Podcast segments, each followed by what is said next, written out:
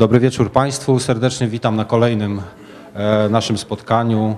E, w dniu dzisiejszym e, będzie to spotkanie na temat terroryzmu palestyńskiego. Trochę się nieswojo czuję, bo powstała, jak Państwo widzą, taka przepaść między nami.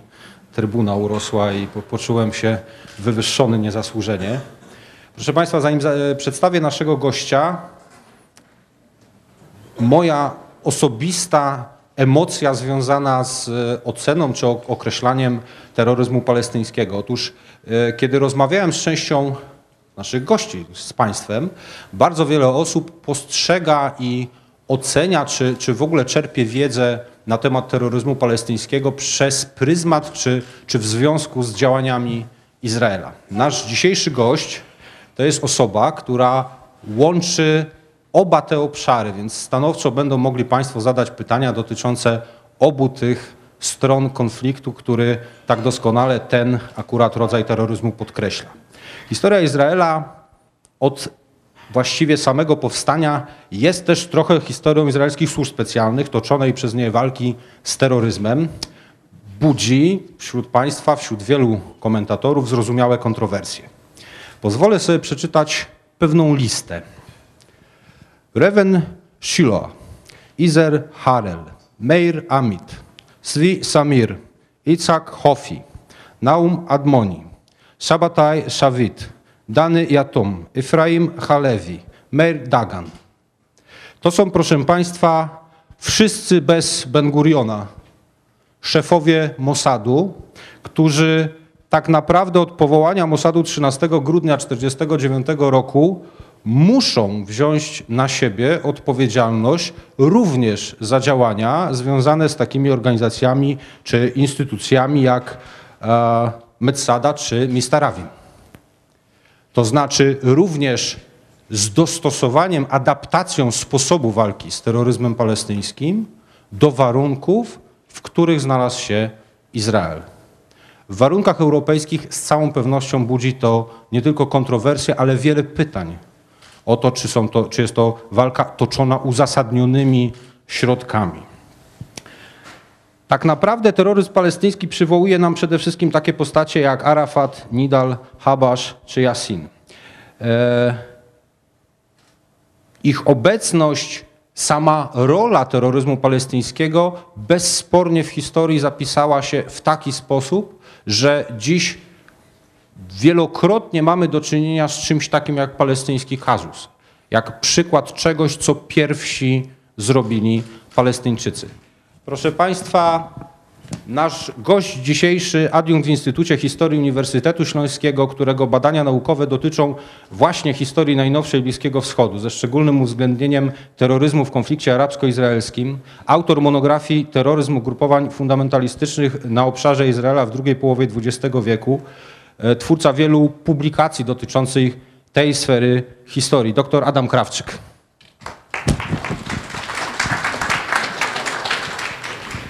Dzień dobry Państwu. Chciałem bardzo miło wszystkich tu powitać. Y, Tak jak mój przedmówca powiedział, y, tematem mojego wystąpienia będzie te terroryzm ugrupowań palestyńskich na obszarze Izraela, lecz nie tylko. Te terroryści palestyńscy, szczególnie w latach 60. i 70., swój obszar działań praktycznie nie ograniczali. To były tereny praktycznie całej Europy Zachodniej. Byli szkoleni również przez funkcjonariuszy z Europy Wschodniej. Czerpali wsparcie z Moskwy, z Warszawy, z Pragi. Jednak skąd się wziął ten terroryzm palestyński? Co było jego podstawą? W 1916 roku, w momencie, gdy Palestynę zamieszkiwała duża większość ludności arabskiej, pomału zaczyna nap- napływać już od końca XIX wieku ludność żydowska, upatrując tam swojej si- siedziby. W 1916 roku rząd brytyjski obiecał Arabom palestyńskim stworzenie własnego państwa, jeżeli poprą Brytyjczyków w walce z Turkami. Arabowie palestyńscy mieli wzniecić powstanie przeciwko Imperium Osmańskim. I tak się stało. W 1917 roku ten sam rząd brytyjski obiecał siedzibę narodową dla Żydów w tym samym miejscu. I z tego właśnie powstał konflikt. Dwie narodowości miały otrzymać jedno, jeden obszar. I ta sytuacja wyglądała w ten sposób, że po I wojnie światowej w 1918 roku zostaje utworzony mandat palestyński, mandat brytyjski nad Palestyną, to, to jest ta mapka. W 1923 roku po konferencji w San Remo mandat zo- zostaje podzielony na dalej mandat brytyjski już w, sa- w samej Palestynie i na Transjordanie, gdzie Brytyjczycy oddali swoją władzę rodowi haszymickiemu. I ta sytuacja trwa aż do 1947 roku. 29 listopada 1947 roku Zgromadzenie Ogólne Narodów Zjednoczonych wydaje rezolucję 181 łamane przez 2, które dzieli obszar mandatu brytyjskiego nad Palestyną na dwa niezależne państwa. Miało, miała powstać niepodległa Palestyna jako państwo dla Arabów i państwo żydowskie czyli Izrael. I tu mamy właśnie tą mapkę i państwo arabskie to jest, y, może łatwiej będzie, państwo żydowskie to, to jest y, miejsce, gdzie, y, gdzie jest kratka, a miejsce bardziej te, te, takie szare to jest państwo arabskie.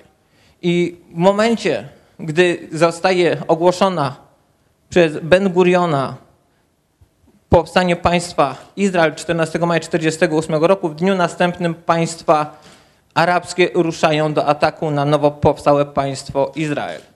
I Sama wojna arabska rozpoczęła się 15 maja, ale wojna pomiędzy Żydami i Palestyńczykami rozpoczęła się w momencie rezolucji, czyli już w 1947 roku rozpoczęły się działania wojenne.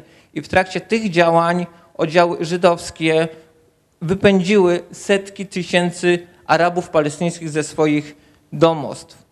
Y, Oni w następnym czasie będą zamieszkiwać obozy w Jordanii, w Libanie, w Egipcie. Y, wie- Wiele z, nich, wiele z tych osób uciekło również y, przed pożogą wo- wojenną, ale są dokumenty, że wiele tysięcy, szacuje się, że swoje domostwa opuściło do 750 tysięcy Palestyńczyków na przełomie 47 i 48 roku.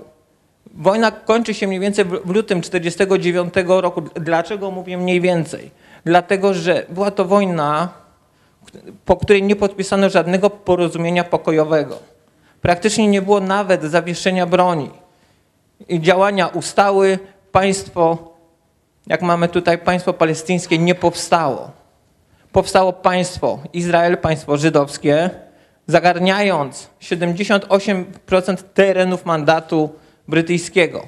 Pozostałymi dwo- 22% podzieliła się- Transjordania, zajmując zachodni brzeg Jordanu i wschodnią Jerozolimę i Egipt, który zajął strefę gazy. I problem stanowił taki, że w 1948 roku, gdy Palestyńczycy mieli już swoje oddziały, walczące m.in. w sto- Stowarzyszeniu Braci Muzułmanów, jak, jak również w Arabskiej Armii Wyzwolenia, y, wojska egipskie i wojska jordańskie spacyfikowały Palestyńczyków. Kazano im przestać walczyć, że za nich zrobi to armia egipska i armia jordańska tak naprawdę chodziło o to, że Transjordania też chciała zagarnąć, podobnie jak Izrael, tereny przyznane państwu palestyńskiemu. Czyli te trzy państwa podzieliły się terytoriami przyznanymi państwu palestyńskiemu. Bardzo często się mówi, że właśnie Izrael zagarnął tereny palestyńskie, ale w tym momencie mamy również do czynienia, że zarówno Transjordania, jak i Egipt zagarnęły te tereny. Mówi się też, że dlaczego wszystkie pretensje są do Izraela. Y, Między 48 rokiem a 67 rokiem y, te tereny, czyli strefę gazy i zachodni brzeg Jordanu były w posiadaniu państw arabskich. Te państwa nie były zainteresowane, żeby na tych terenach powstało niepodległe państwo palestyńskie. Czyli Palestyńczycy zostali w pewien sposób zdradzeni zarówno przez Arabów, jak i zostali pokonani przez Izrael. Tu właśnie jest Al-Nakba, czyli katastrofa palestyńska, te wypędzenia i na, następnie życie w obozach na uchodźstwie. Oczywiście Palestyńczycy się nie poddawali.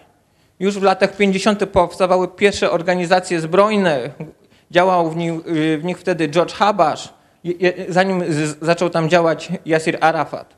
Ale pierwszą taką organizacją to jest Al-Fatah. Powstała właśnie przez, założona przez Yasira Arafata w 1959 roku w Katarze. On studiował w Katarze i z grupą Palestyńczyków założył tam organizację. Yasir Arafat jest Palestyńczykiem, jednak na jego dokumencie urodzenia widnieje miasto Kair, czyli stolica Egiptu. I tutaj też są akuratnie Izraelczycy to wykorzystują, że mówią, że Arafat tak naprawdę nie był Palestyńczykiem, tylko był Egipcjaninem. On pochodził z rodziny palestyńskiej, która dwa lata przed urodzeniem Arafata wyemigrowała do Kairu. Ale samo miejsce narodzin Arafata jest też zagadkowe. On sam całe życie twierdzi, że urodził się w Jerozolimie, a po prostu matka następnie wyjechała do Kairu i tam niejako zarejestrowała jego urodzenie. Sam Al-Fatah, czyli Palestyński Ruch Wyzwolenia Narodowego. Chciano osiągnąć jakiś kompromis skrótu, bo skrót Hataf oznaczał śmierć i Arafatowi się bardzo nie podobał. Więc odwrócono tą nazwę, y, skrót tego palestyńskiego ruchu wyzwolenia narodowego i uznano, że Fatah jest lepszą nazwą. Fatah jest bardzo często tłumaczono jako zwycięstwo. Y, Sam Arafat tłumaczył to jako dążenie do chwały.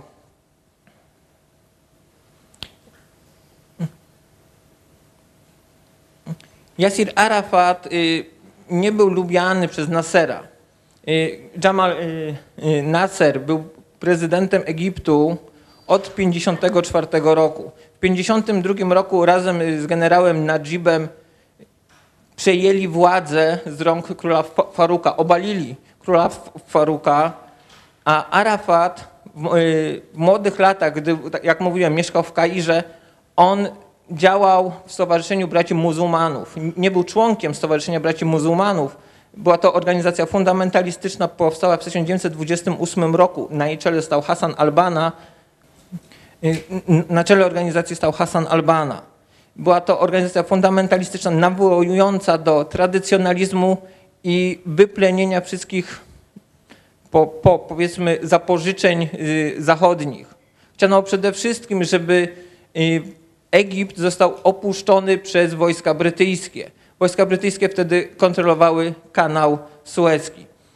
I w momencie, gdy dochodzi do rewolucji w 1952 roku, Stowarzyszenie Braci Muzułmanów, jak również y, Nasser, Najib, czyli, tak zwana grupa wolnych oficerów, pokonuje y, wojska króla Faruka, obala jego rządy i w tym momencie y, Stowarzyszenie Braci Muzułmanów chce, żeby Nasser i Najib ustanowili państwo islamskie w Egipcie. Oni się oczywiście nie godzą i te ścieżki zostają tutaj między innymi, między innymi wrogie. I zaczyna się w pewien sposób wojna domowa pomiędzy bra braćmi muzułmanami i wolnymi oficerami. I Yasir Arafat, jako wcześniejszy aktywista braci muzułmanów, on pod koniec lat 40. spędził nawet y, trzy miesiące w więzieniu właśnie za działalność w Stowarzyszeniu Braci Muzułmanów, jest nielubiany przez Nasera. Bracia, muzułman, y, bracia muzułmanie będą dokonywać kilku prób zamachów na Nasera, między innymi zamach w Aleksandrii. By- Były to zamachy nieudane. Więc gdy powstaje OWP, Organizacja Wyzwolenia Palestyny, ta najbardziej znana, to OWP nigdy nie była organizacją terrorystyczną. Była to platforma polityczna skupiająca organizacje terrorystyczne. To, jest, to, to, to troszeczkę jak eufemizm brzmi, prawda? Czyli sama OWP to, to był rząd na uchodźstwie. To był parlament 669 posłów wy, wybieranych za, za, zarówno w, y, w samych to, to terytoriach okupowanych, y, tak jak będziemy te, te tereny w późniejszym czasie mówić, jak również w obozach y, no, y, w Libanie y, i w Jordanii. OWP powstaje w 1964 roku i znowu jest to dość dziwna sytuacja, dlatego że powstaje w czasie, y, gdy obrady, obraduje Liga Arabska, y, OWP po- powstanie z inspiracji Nasera, ale również wysokiego przedstawiciela ambasady amerykańskiej George'a Bella. Amerykanie będą chcieli na wypadek, gdyby ich późniejsze kontakty z Izraelem były nie, okazały się nieudane, żeby mieć w pewien sposób zaczepienie u Palestyńczyków. Więc OWP powstaje także z, inspira z inspiracji amerykańskiej. Y, Nasser, nie chcąc, żeby Arafat przejął władzę nad OWP, y, wy- wyznacza na przewodniczącego OWP Ahmeda Sz- Shukeriego. Jest to dość dobry mówca, ale bez charyzmy. Y, On będzie ki- kierował do 68 roku y, OWP, następnie przez kilka mie- miesięcy Iuch Hamuda i potem Arafat w 69 roku przejmie całkowitą kontrolę nad OWP.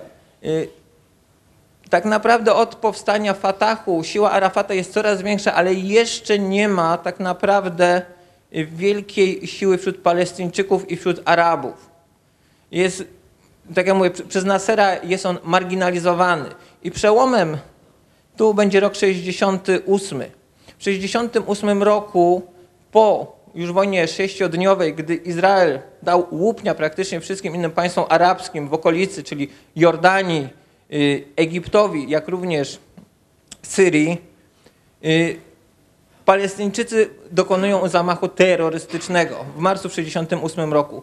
Y, Armia izraelska wchodzi na terytorium Jordanii w celu odwetu i dochodzi do bitwy pod Karamę i ścierają się oddziały palestyńskie, oddziały Arafata y, z oddziałami izraelskimi, z izraelskim wojskiem, ale oddziały Arafata będą wspierane przez wojska jordańskie i po raz pierwszy Izraelczycy będą musieli się wycofać. Zginie 29 żołnierzy izraelskich, stracą 4 czołgi, 4 wozy opancerzone. Oczywiście Palestyńczyków zginie ponad setka, y, Jordańczyków, y, Jordańczyków y, również ponad setka, ale to będzie wielkie propagandowe zwycięstwo Arafata. Więc w 1968 roku dochodzi do bitwy pod Karamę, w 1969 Arafat przyjmuje całkowitą władzę nad OWP, czyli najważniejszym ruchem palestyńskim. Y, W 1967 roku powstaje Ludowy Front Wyzwolenia Palestyny George'a Habasha. Jest to organizacja świecka. Sam Habash, jak tutaj jest y, Wadi Haddad, oni byli protestantami, oni byli chrześcijanami, ale byli palestyńczykami i z tego też powodu rozpoczęli walkę zbrojną przeciwko Izraelowi. Ich ideologia to oczywiście była y, ideologia lewicowa, marksistowska. Y, Ludowy Front Wyzwolenia Palestyny miał początkowo o wiele głośniejsze zamachy terrorystyczne od Al-Fatah. Y, Ludowy Front Wyzwolenia Palestyny, dzięki tej organizacji, jak pisze m.in. Bruce Hoffman, y, zostaje wprowadzona nazwa terroryzmu międzynarodowego. Dlatego, że Ludowy Front Wyzwolenia Palestyny porywa samolot nienależący do stron konfliktu, czyli nie był to samolot izraelskich linii lotniczych, tylko po, porywa samolot y, linii y, rzymskich, a to znaczy linii włoskich, zmuszając, to, to znaczy próbując wymusić ustępstwa na Izraelowi, czyli zostaje wmieszane zupełnie inne państwo. I, te, I terroryzm międzynarodowy właśnie prawdopodobnie y, po- powstaje 22 lipca 1968 roku od porwania samolotu y, le, lecącego z Rzymu do Tel Awiwu. Y, Tu mam akuratnie całą listę uprowadzeń samolotów dokonanych głównie przez Ludowy Front Wyzwolenia Palestyny. Y, Trzeba po, powiedzieć, że w tych początkowych porwaniach samolotów y, brała udział m.in. Laila Chalet. Y, Była to Palestynka, której, która jest praktycznie legendą wśród Palestyńczyków. Mogę jedynie zdradzić, że przez kilka lat mieszkała w późniejszym czasie w Polsce.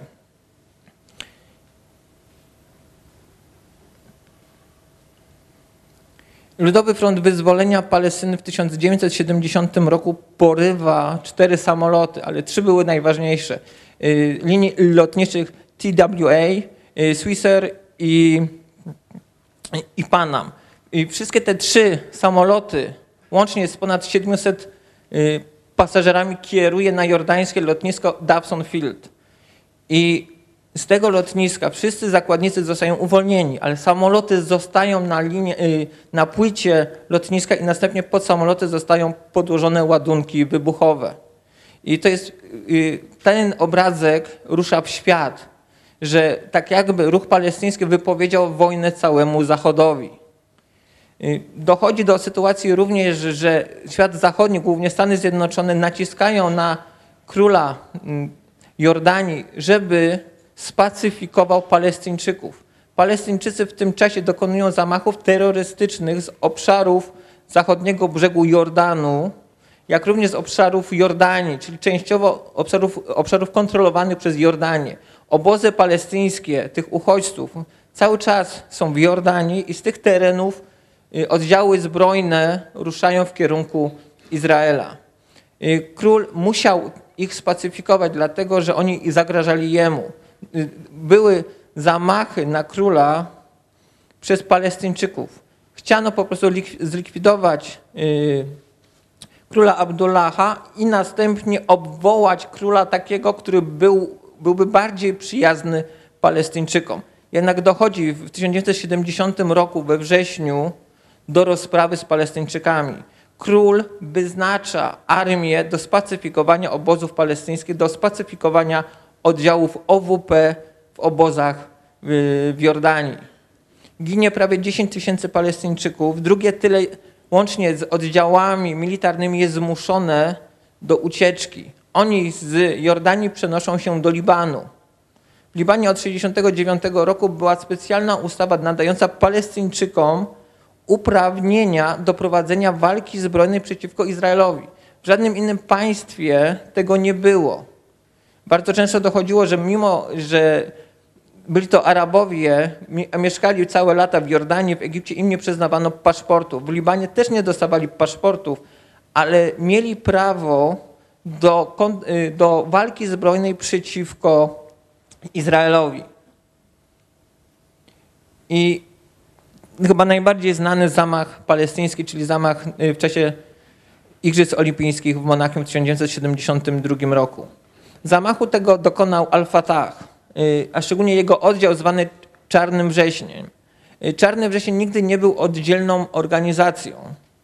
Y, Praktycznie większość powiela tą teorię, że Czarny Wrzesień to była organizacja palestyńska, ale to, to jest za mało. To był oddział Al-Fatah.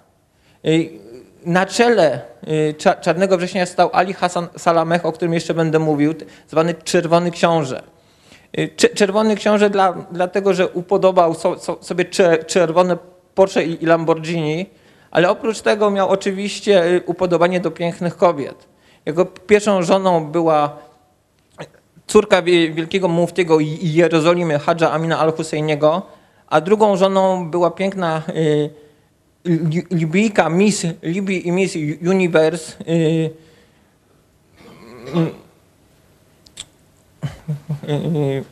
O nazwisku Rizak w każdym bądź razie. Ta organizacja Czarny Wrzesień, jej celem była zemsta na Jordańczykach. Czyli w 1970 roku król wydaje nakaz spacyfikowania obozów palestyńskich. Palestyńczycy muszą się wynieść z Jordanii, przynajmniej te oddziały zbrojne, ale zostaje wyznaczony oddział Fatahu nazwany Czarnym Wrześniem przeciwko Jordanii.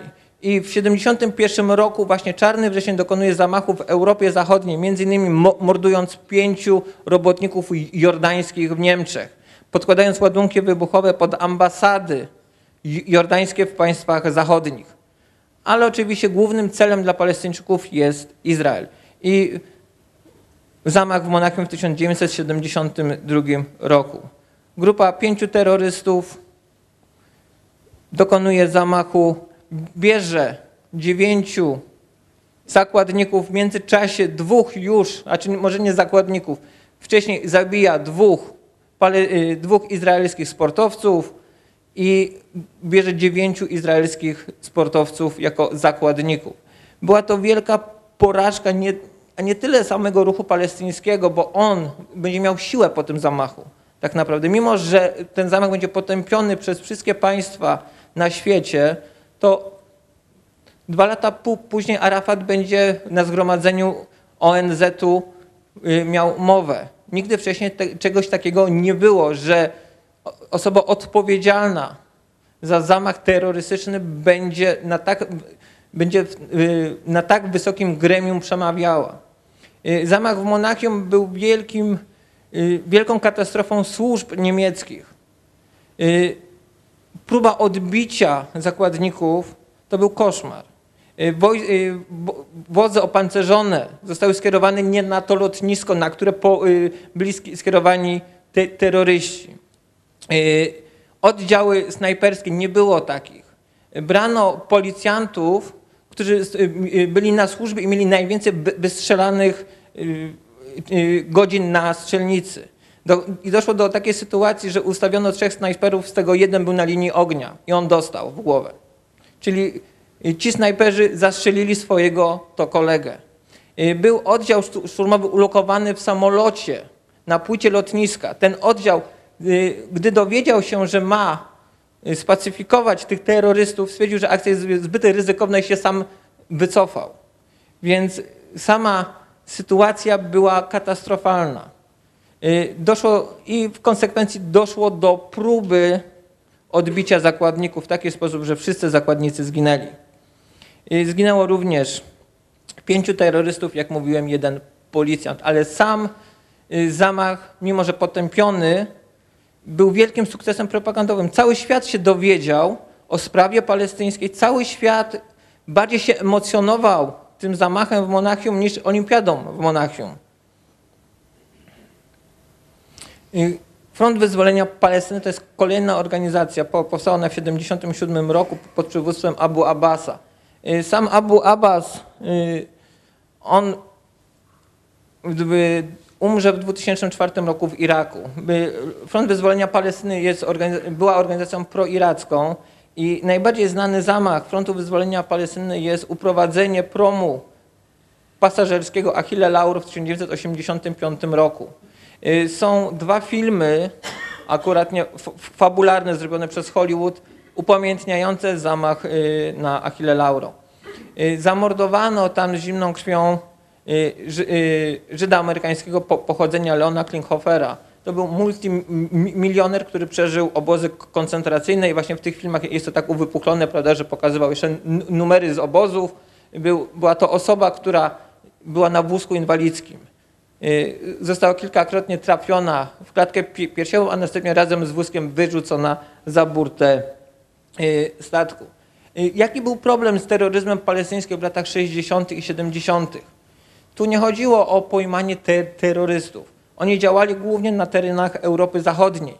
Problem stanowił taki, że tak jak będzie y, po Achille Lauro, tak jak było po Monachium. W Monachium złapano dwóch terrorystów a na płycie lotniska.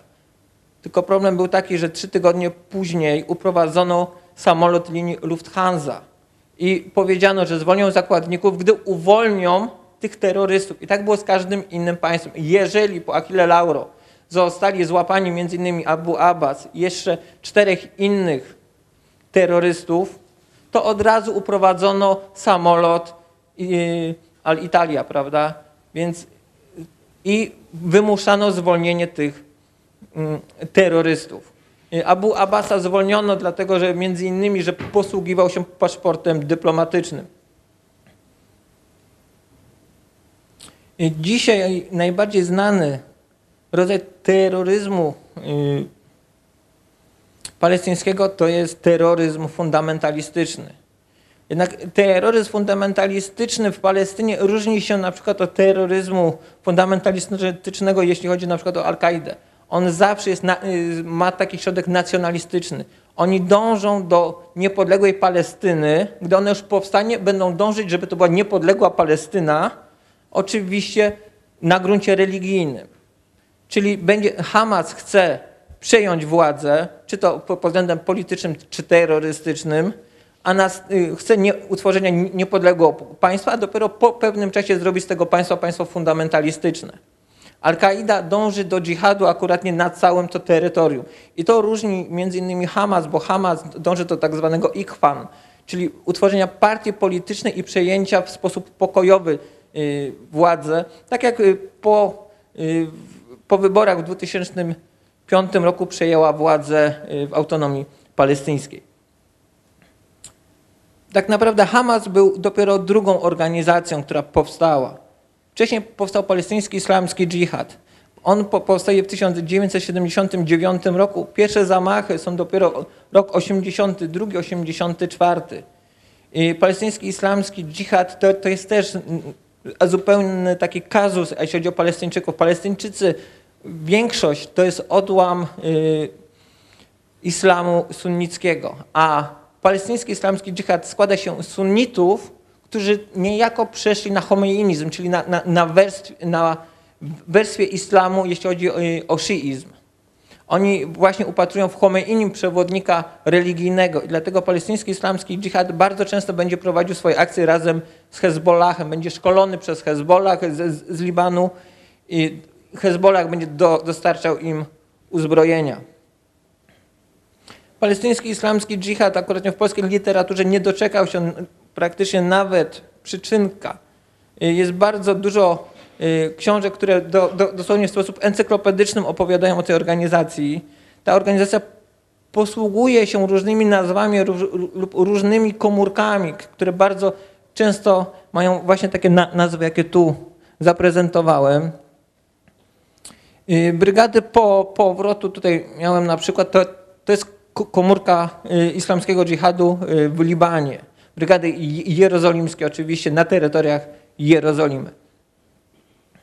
Ich y, przywódcą y, palestyńskiego islamskiego dżihadu był Fathi al-Shikaki. Był bardzo charyzmatyczny. Nie, nie była to osoba religijna, ale mimo to przewodniczył organizacji fundamentalistycznej, a jego mowy były tak przekonujące, że potrafił sobie zjednać zarówno sunnitów, jak i szyitów. Palestyński islamski dżihad jako pierwszy wprowadził y, rodzaj terroryzmu samobójczego y, w arsenał terroryzmu palestyńskiego. To właśnie palestyński islamski dżihad jako pierwszy dokonał zamachu samobójczego. Y, tu zaprezentowałem w jaki sposób, jakie organizacje dokonywały zamachów samobójczych. I zawsze to była początkowo ideologia religijna, ta religijna, nacjonalistyczna, ale właśnie przez organizacje fundamentalistyczne. Najpierw y, Hamas, jak również palestyński islamski dżihad. Y, tu mówimy o oddziaływaniu braci muzułmanów. Jeśli chodzi o Hamas, y, z Hamasem jest troszkę trudniejsza sprawa, bo Hamas wywodzi się z tego głównego nurtu sunnickiego. W 1928 roku, jak mówiłem, po, powstaje Stowarzyszenie Braci Muzułmanów. W 1945 roku powstaje pierwsza, pierwsza komórka Stowarzyszenia Braci Muzułmanów y, w Palestynie. W 1947 roku już jest siedem takich komórek, które stanowią też siłę zbrojną. I Stowarzyszenie Braci Muzułmanów po nieudanej wojnie w 1948 roku, jak i po kompletnej katastrofie w 1967 roku będzie nastawiać się raczej na rolę edukacyjną, charytatywną, będzie pomagać Palestyńczykom w trudach życia, będzie ich edukować, będzie prowadzić szkoły, żłobki. Tego typu działalnością się będą zajmować. W latach 70. ta organizacja Al-Mujama al-Islami, która była pod skrzydłem Stowarzyszenia Braci Muzułmanów, dostaje wsparcie od Izraela. Izrael będzie wspierał fundamentalistów islamskich w Palestynie. Dlaczego? Dlatego, że tym momencie, w latach 70., w latach 80., w latach 60., głównym wrogiem dla Izraela było OWP. Czyli głównym wrogiem był Arafat, OWP, Ludowy Front Wyzwolenia Palestyny, czyli te organizacje, organizacje terrorystyczne, organizacje, które nie przebywały na terytorium Izraela. Tak jak mówiłem, te, one były najpierw w Jordanii, potem będą w Libanie, potem jeszcze z Libanu przeniosą się do, Tuni do, do Tunisu, będą działać na, w Europie Zachodniej ale w samym Izraelu, czyli tam, gdzie jest największe skupisko Palestyńczyków, tam praktycznie będą nieobecne. I żeby zmniejszyć ich popularność, Izrael zaczyna wspierać fundamentalistów islamskich, żeby była to ich przeciwwaga, żeby fundamentaliści stanowili przeciwwagę dla Organizacji Wyzwolenia Palestyny. Ale oczywiście się przejechali to na tym. Bo fundamentaliści uzyskując dużą władzę, uzyskując poparcie społeczne, zaczynają również tworzyć swoje organizacje terrorystyczne i zaczynają po prostu kąsać rękę, która ich karmiła. I To wsparcie dla organizacji fundamentalistycznych będzie trwało mniej więcej do 86 roku. Przynajmniej tak y, zeznań y, generała brygady y, Szlomo Segewa, który był gubernatorem strefy gazy. On, on wypowiadał się, że wspierał fundamentalistów islamskich, y, że, me, że przekazywał fundusze na meczety y, w strefie gazy. Y, Z, z Al-Mujama al-Islami wyodrębni się Hamas. Sam Hamas powstanie 14 grudnia 1987 roku w pierwszym dniu intifady. Zostanie założona przez siedmiu gorliwych fanatyków islamskich pod przewodnictwem szejka Ahmeda Yassina. Y, O Hezbollahu może nie będę mówił.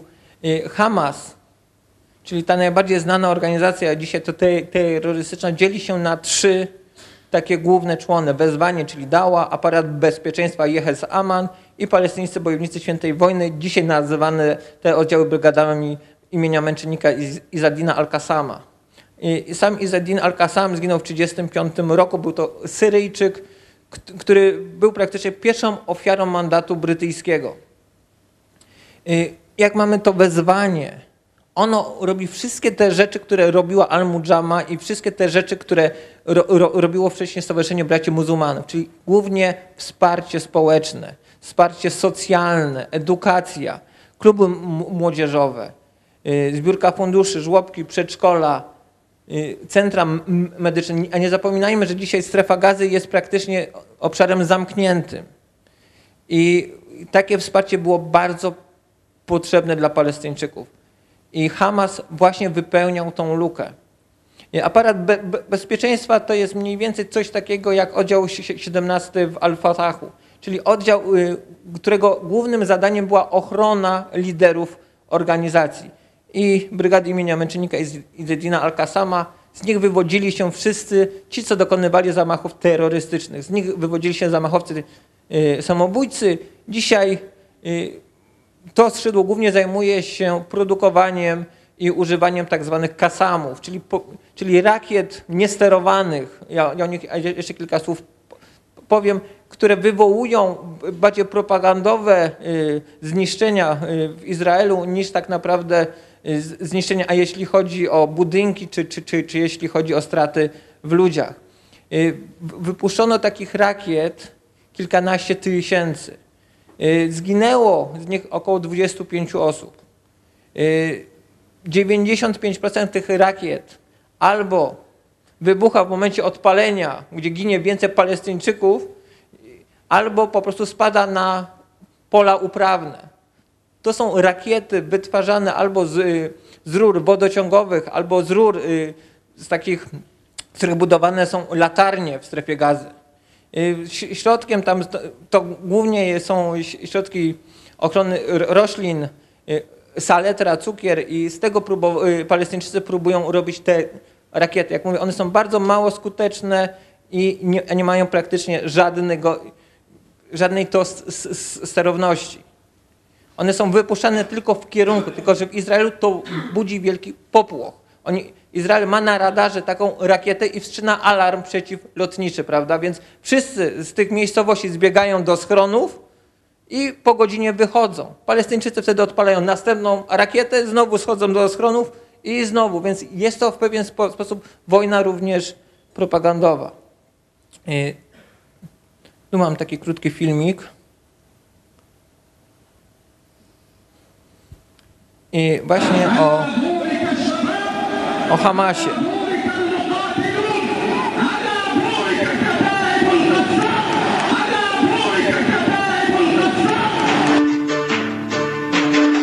Jest to filmik z obozów szkoleniowych y, zlokalizowanych w Dolinie Beka w Libanie.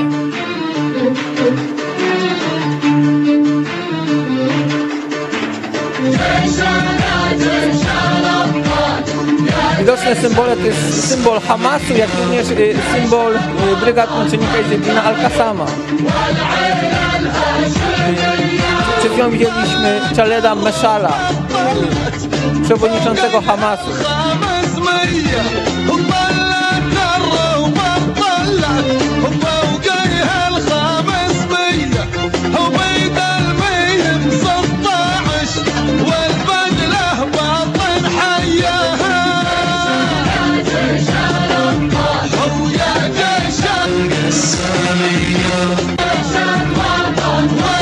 Ten symbol podkreśla religijne znaczenie y, Hamasu. Y, W tym symbolu w głównej części y, jest meczet Al-Aqsa. Najważniejsza rzecz pod względem islamu w Palestynie i trzecia co do najważniejszych, jeśli chodzi o islam na świecie. Oprócz Mekki, Medyny, właśnie Jerozolima jest tym trzecim punktem najważniejszym dla islamu. Ze wzgórza świątynnego, gdzie jest właśnie meczet Al-Aqsa i meczet Kopuła na skale, wa- właśnie z, y, z meczetu Kopuła na skale był kamień, z którego Mahomet miał udać się na zwierzęciu przypominającym konia ze skrzydłami w niebiosa, miał do, dostąpić w niebo wstąpienia. Dlatego Jerozolima jest tak ważna dla islamu. Jak widzimy, Hamas cieszy się wielkim poparciem szczególnie w strefie gazy. Hamas wygrał wybory parlamentarne 8 lat temu, co doprowadziło praktycznie do wojny domowej pomiędzy Al-Fatah a Hamasem, co skutkowało rozbiciem autonomii palestyńskiej, że na zachodnim brzegu Jordanu rządził i rządzi Al-Fatah, a w strefie gazy rządzi Hamas.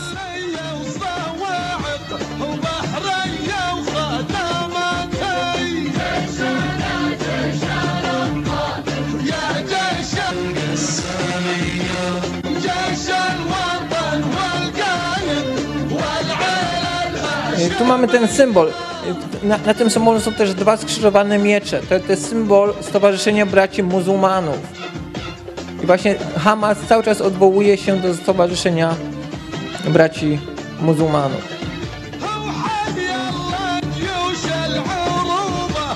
Dobrze. Tam. Rodzaje rakiet KASAM.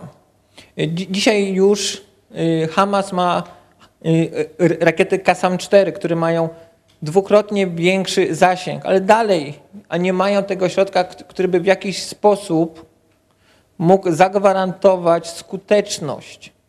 Y, Są to już rakiety osiągające 20 km zasięgu, mające ponad 2 metry wysokości. Jednak dalej te rakiety nie są skuteczne. Y, Zamachy samobójcze to głównie od roku 92, gdy rozpoczyna się tak zwany proces pokojowy w 1993 roku po- porozumienia w Oslo, później w 1994 porozumienia w Camp David, co doprowadzi do autonomii palestyńskiej. Hamas wtedy zaczyna walczyć o władzę.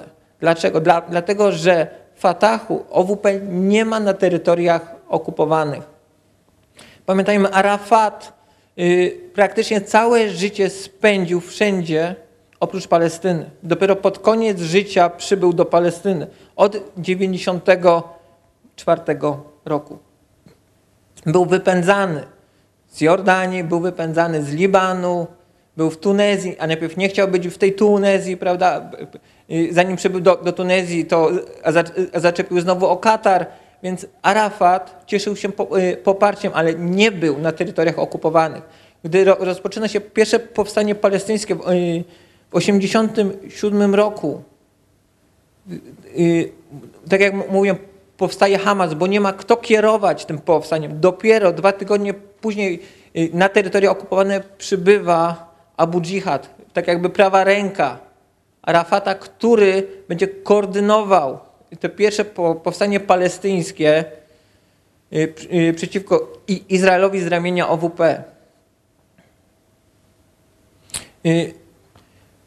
Bardzo często, jeśli chodzi o Hamas i tą działalność charytatywną, za działalnością charytatywną kryła się działalność terrorystyczna. I tu akurat nie jest taki przykład, gdzie drużyna piłkarska z Hebronu służyła jako przykrywka do działalności terrorystycznej, gdzie główny lider był również trenerem drużyny piłkarskiej, praktycznie zwerbował do zamachów terrorystycznych pół składu swojej drużyny piłkarskiej. Co, takie, co wpływa na, na taką po, postawę wśród y, Palestyńczyków, jeśli chodzi o Hamas i, i właśnie propagowanie tej ideologii? Zarówno Hamas przedstawia się z jednej strony jako tradycjonalistyczny, jako nacjonalistyczny, że będzie walczył o Palestynę, jak i będzie walczył o Palestynę zgodnie z islamem, czyli będzie propagował te wartości, które są dla każdego muzułmanina y, ważne, ale nie będzie zmuszał do tych wartości. W Hamasie nie było czegoś takiego, że zmuszano y, niepokornych y, do popierania Hamasu. Jest to troszkę inna sytuacja niż na przykład było w Hezbollahu w Libanie. Y, Tam na przykład w Bejrucie, a jeżeli y, dana kafejka czy dany sklep z czasopismami był w dzielnicy opanowanej przez Hezbollah, to oczywiście członek Hezbollahu przy, przychodził do takiej kafejki z prośbą o zamknięcie tego, bo to się nie podoba. Je, jeżeli taka kałfejka czy sklep nie został zamknięty, w nocy były już dwie laski dynamitu w środku i już była sprawa rozwiązana. Y, Hamas takich metod nie stosował, chociaż w, pierwszej, y, w czasie pierwszej intifady dochodziło do mordów osób, po, powiedzmy, które nie przy, y, które dla, dla samego islamu były obraźliwe, czyli na, na przykład złodziei, prostytutek, tego typu ludzie w Hamasie byli również eliminowani. Hamas dzisiaj posiada własną telewizję, własną stację radiową, jak i własne czasopisma. Te czasopisma były kolportowane na, y, w pierwszych y, latach y, XXI wieku, czyli mi- między od dwu- 2000 roku do 2004 roku w Wielkiej Brytanii i w Niemczech. Oczywiście propaganda Hamasu i propaganda fundamentalistów jako wielkich zwycięzców jest szeroko y, pokazywana. Dlaczego? Między innymi właśnie przez y, wygranie przez Hamas wyborów parlamentarnych. A dlaczego Hamas wygrał te wybory w 2006 roku? Dlatego, że jako jedyne, może nie jedyne, jako drugie y, w historii po Hezbollahu z 2000 roku, w 2005 roku Hamas przegonił wojska izraelskie ze strefy gazy. Izrael opuścił strefę gazy. Y, Tam ponad, prawie 7 tysięcy osadników zostało zmuszonych do przesiedlenia się i, i strefa gazy jest dzisiaj praktycznie bez Izraelczyków. Y, Wcześniej taka sytuacja była w Libanie y, w 2000 roku, gdzie, po, gdzie wojska izraelskie opuściły południowy Liban.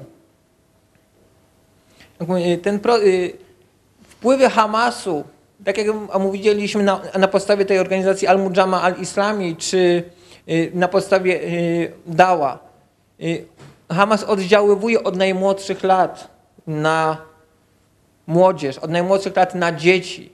W przedszkolach już prowadzone są zajęcia religijne. Y, To wszystko trwa przez cały proces edukacji. Y, Tak samo związki zawodowe zostały opanowane przez fundamentalistów.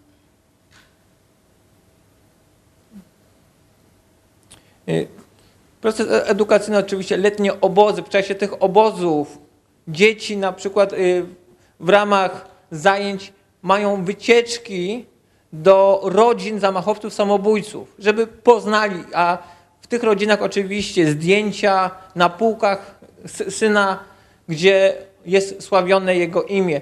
I to bardzo często jest też pokazywane w ten sposób, że są specjalne kalendarze wydawane przez Hamas, gdzie każdy męczennik, czyli ka- każdy zamachowiec, samobójca ma y, swój, jest męczennikiem miesiąca to na przykład, tak? albo że jego zamach terrorystyczny, na którym po, po, poświęcił ży- życie, jest specjalnie oznaczone w kalendarzu jako święto.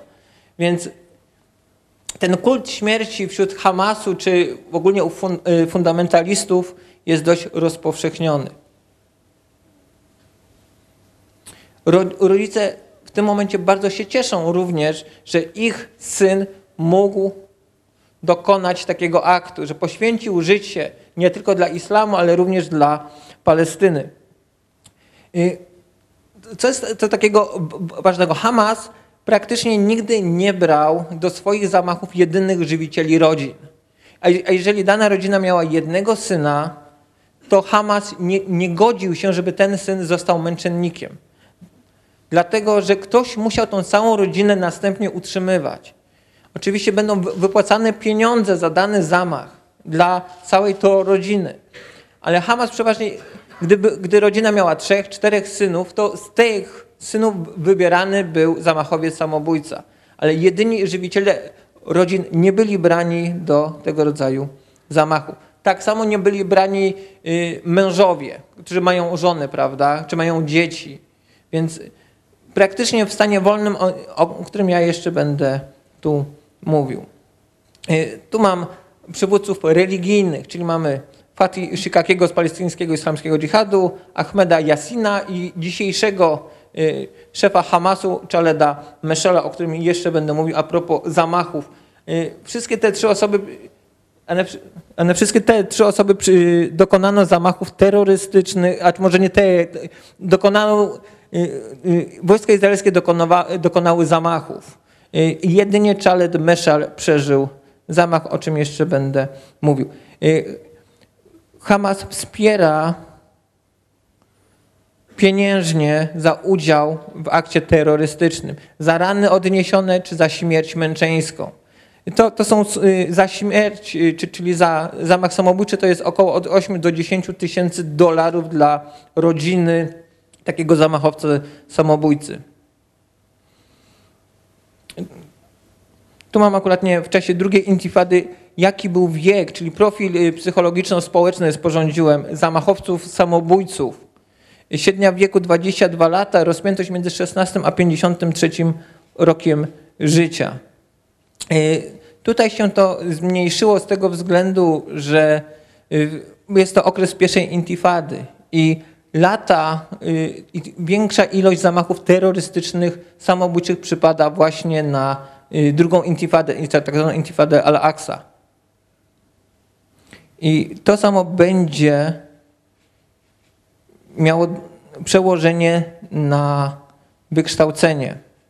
Jak osoby są młodsze, to oczywiście nie kończą uniwersytetów i największa ilość zamachowców samobójców to są osoby z wykształceniem niepełnym wyższym, czyli osoby z wykształceniem średnim lub os- osoby, które nie zdążyły ukończyć uniwersytetów, dlatego że dokonały tego zamachu terrorystycznego. I jak widzimy, zamachów terrorystycznych, sa- samobójczych dokonywali głównie mężczyźni w stanie wolnym. To, to, co już wcześniej to mówiłem, prawda, że Hamas nie bierze tych żywicieli rodzin do zamachów samobójczych. I najwyższa ilość wy- wykształcenia średniego i niepełnego wyższego, przy czym y, większość z nich pobierała naukę religijną, czyli została od najmłodszych lat przygotowana do tego, że w pewnym momencie będzie musiała oddać swoje życie za Palestynę czy za islam.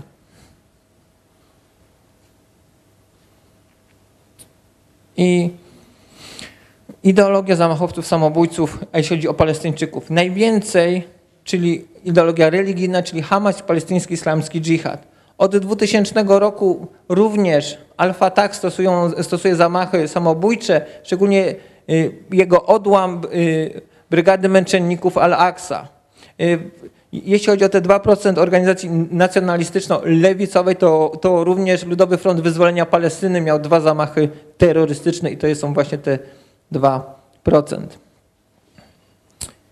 Tak jak to mówiłem, y, jak to się rozkłada y, konkretnie na jakie organizacje te, terrorystyczne, w jakich latach.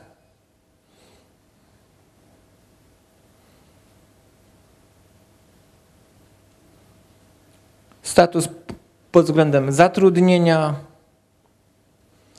i jaka jest indywidualna motywacja zamachowców samobójców.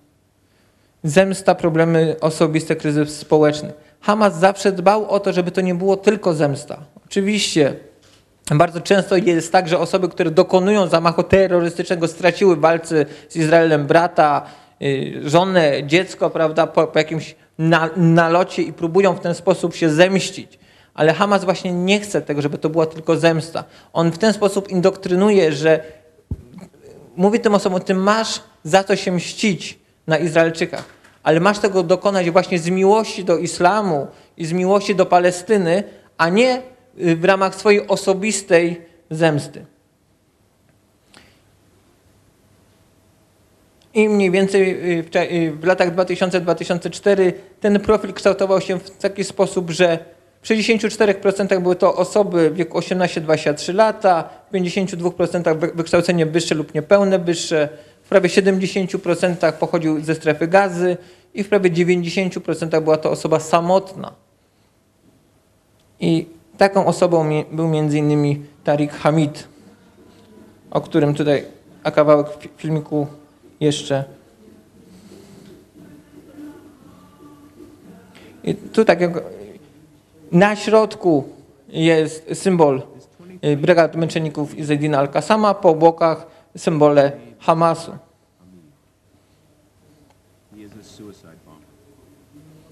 W tej chwili odczytywany jest tak zwany testament zamachowców samobójców.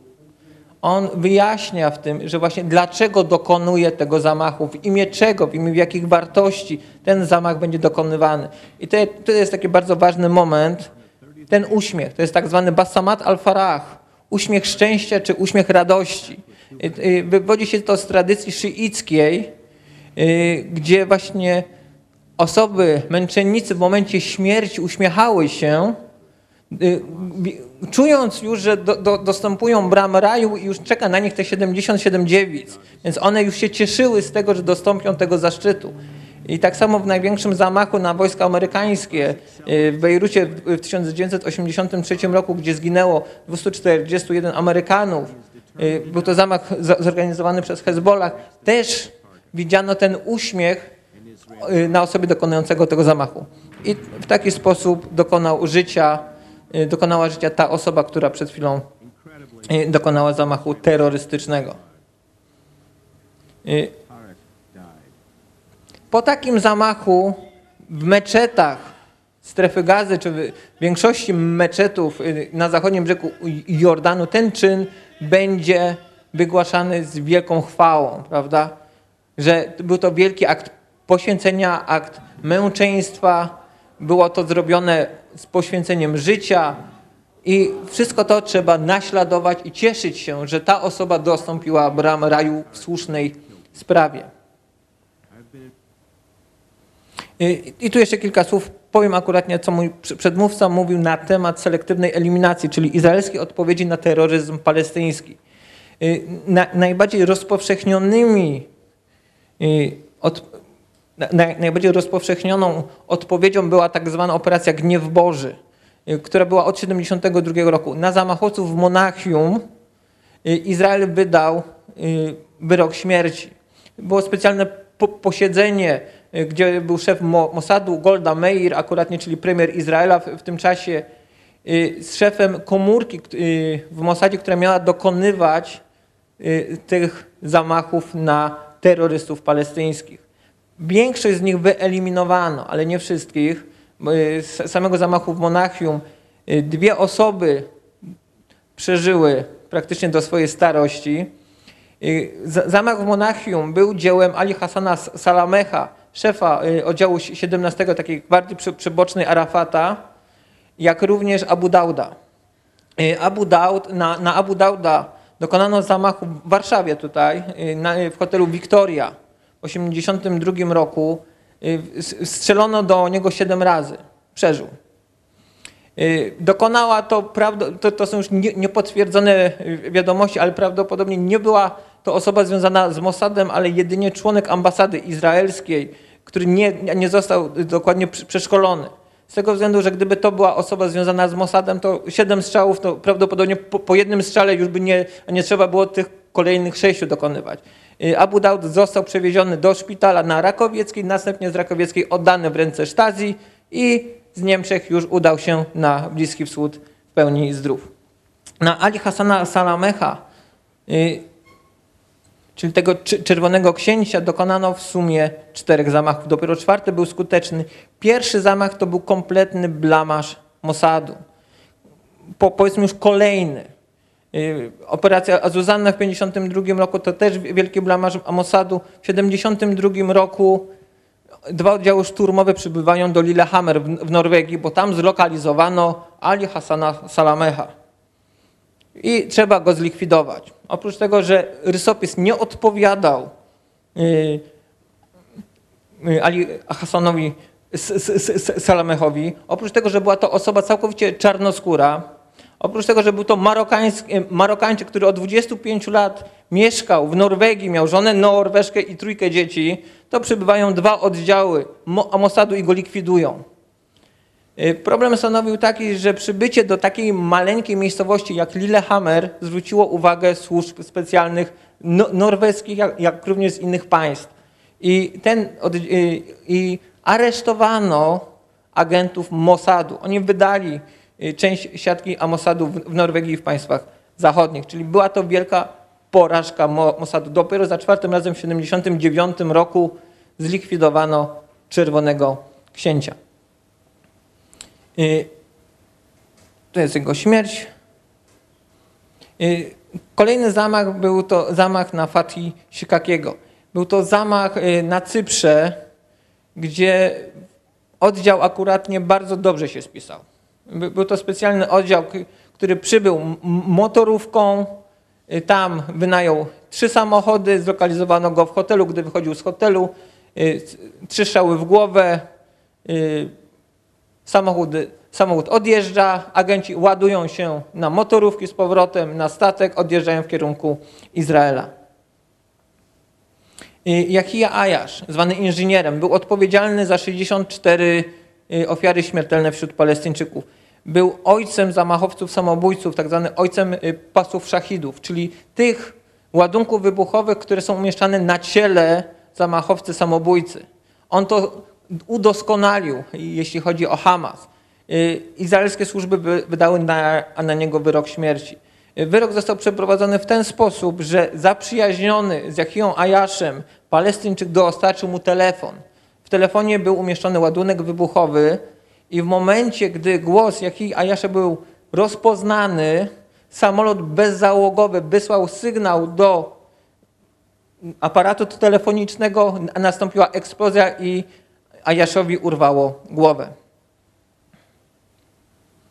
Y, Najważniejsza praktycznie postać, jeśli chodzi o odpowiedź izraelską. Szef Hamasu został zlikwidowany, ten charyzmatyczny, praktycznie lider religijny Palestyńczyków przez ostatnie 25 lat. Y, Szejk I- Ahmed Ismail Yassin, y, wychodząc z meczetu po modłach, y, z helikoptera zostały wystrzelone w, jedne, w jego kierunku trzy rakiety. Pierwsza trafiła w głowę, dwie pozostałe nie miały już czego szukać.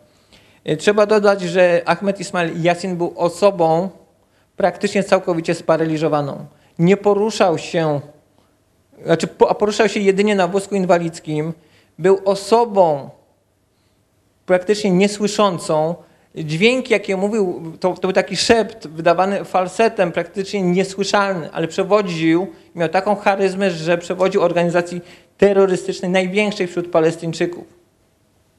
Y, Saleh Shehada, y, szef pionu wojskowego y, w Hamasie, został zlikwidowany, gdy izraelskie bombowce wystrzeliły nawet nie, nie rakiety, co zrzuciły bomby na blok mieszkalny, w którym był, akurat nie przebywał Saleh Sz- Shehada. Z- Cały blok, jak i kwartał został zmieciony z powierzchni ziemi. Zginęło 120 osób.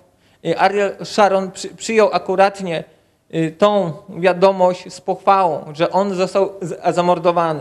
A czy może nie zamordowany, zlikwidowany.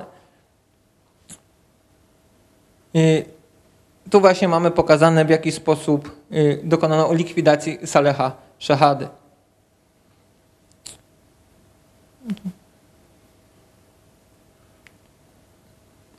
Po Yassinie kolejnym szefem y, Hamasu był Abd y, al-Aziz Rantisi.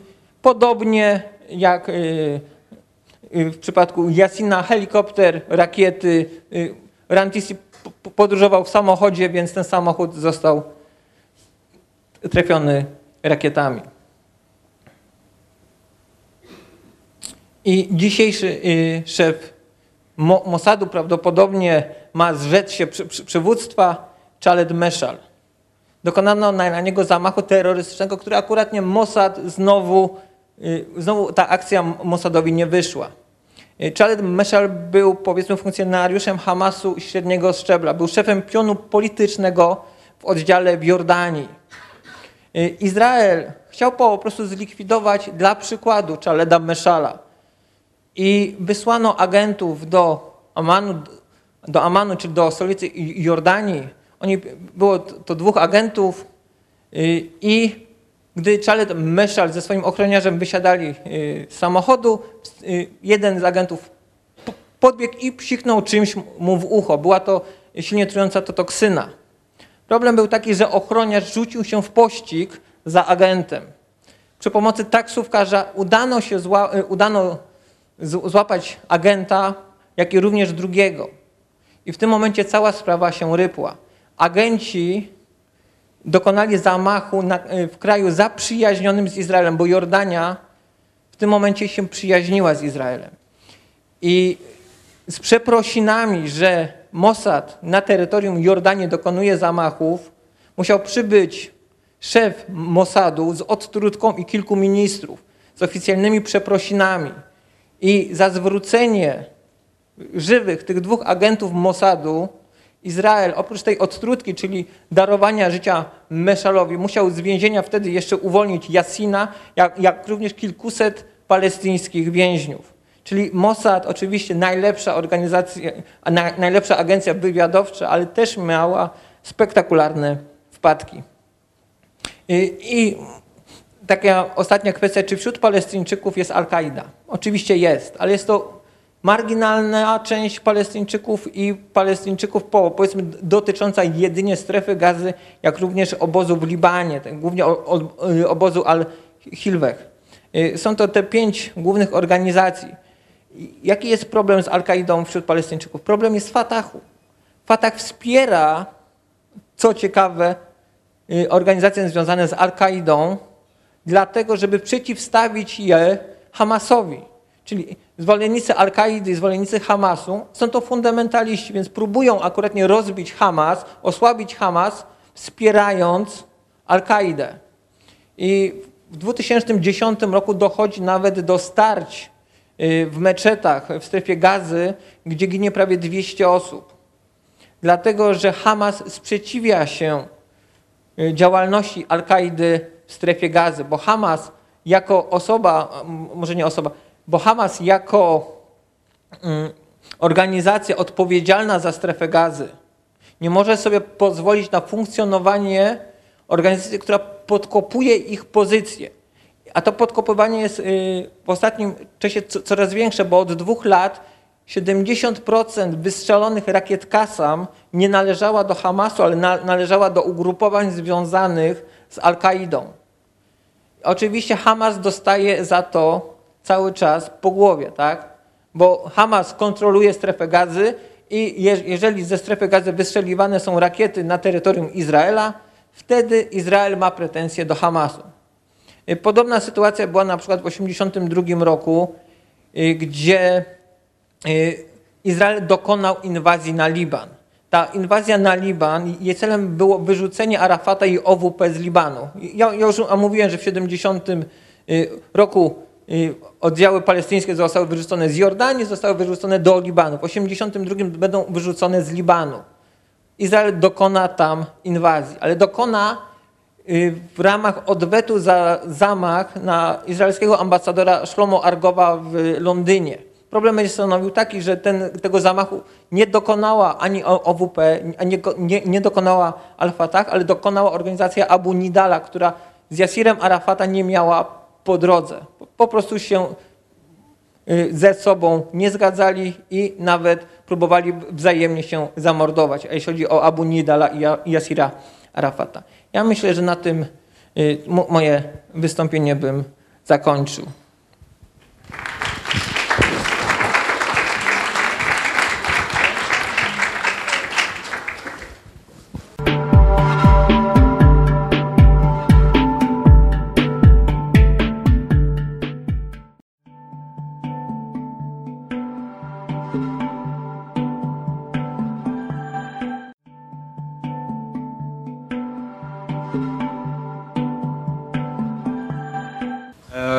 Proszę Państwa, zgodnie z naszym zwyczajem w tej chwili e, otworzymy swoistą rundę pytań. Bardzo prosiłbym, żeby pytania e, były pytaniami, a nie tezami stawianymi w opozycji lub zgodnie z e, wykładem naszego dzisiejszego gościa. E, I po e, rundzie pytań, e, zgodnie również z naszą tradycją, kilka słów o książce. Dzisiaj będzie to książka autorstwa naszego gościa, więc tym e, łatwiej będzie zasięgnąć opinii na temat jej treści. Ja będę w kolejności, dobrze, udzielał mikrofonu.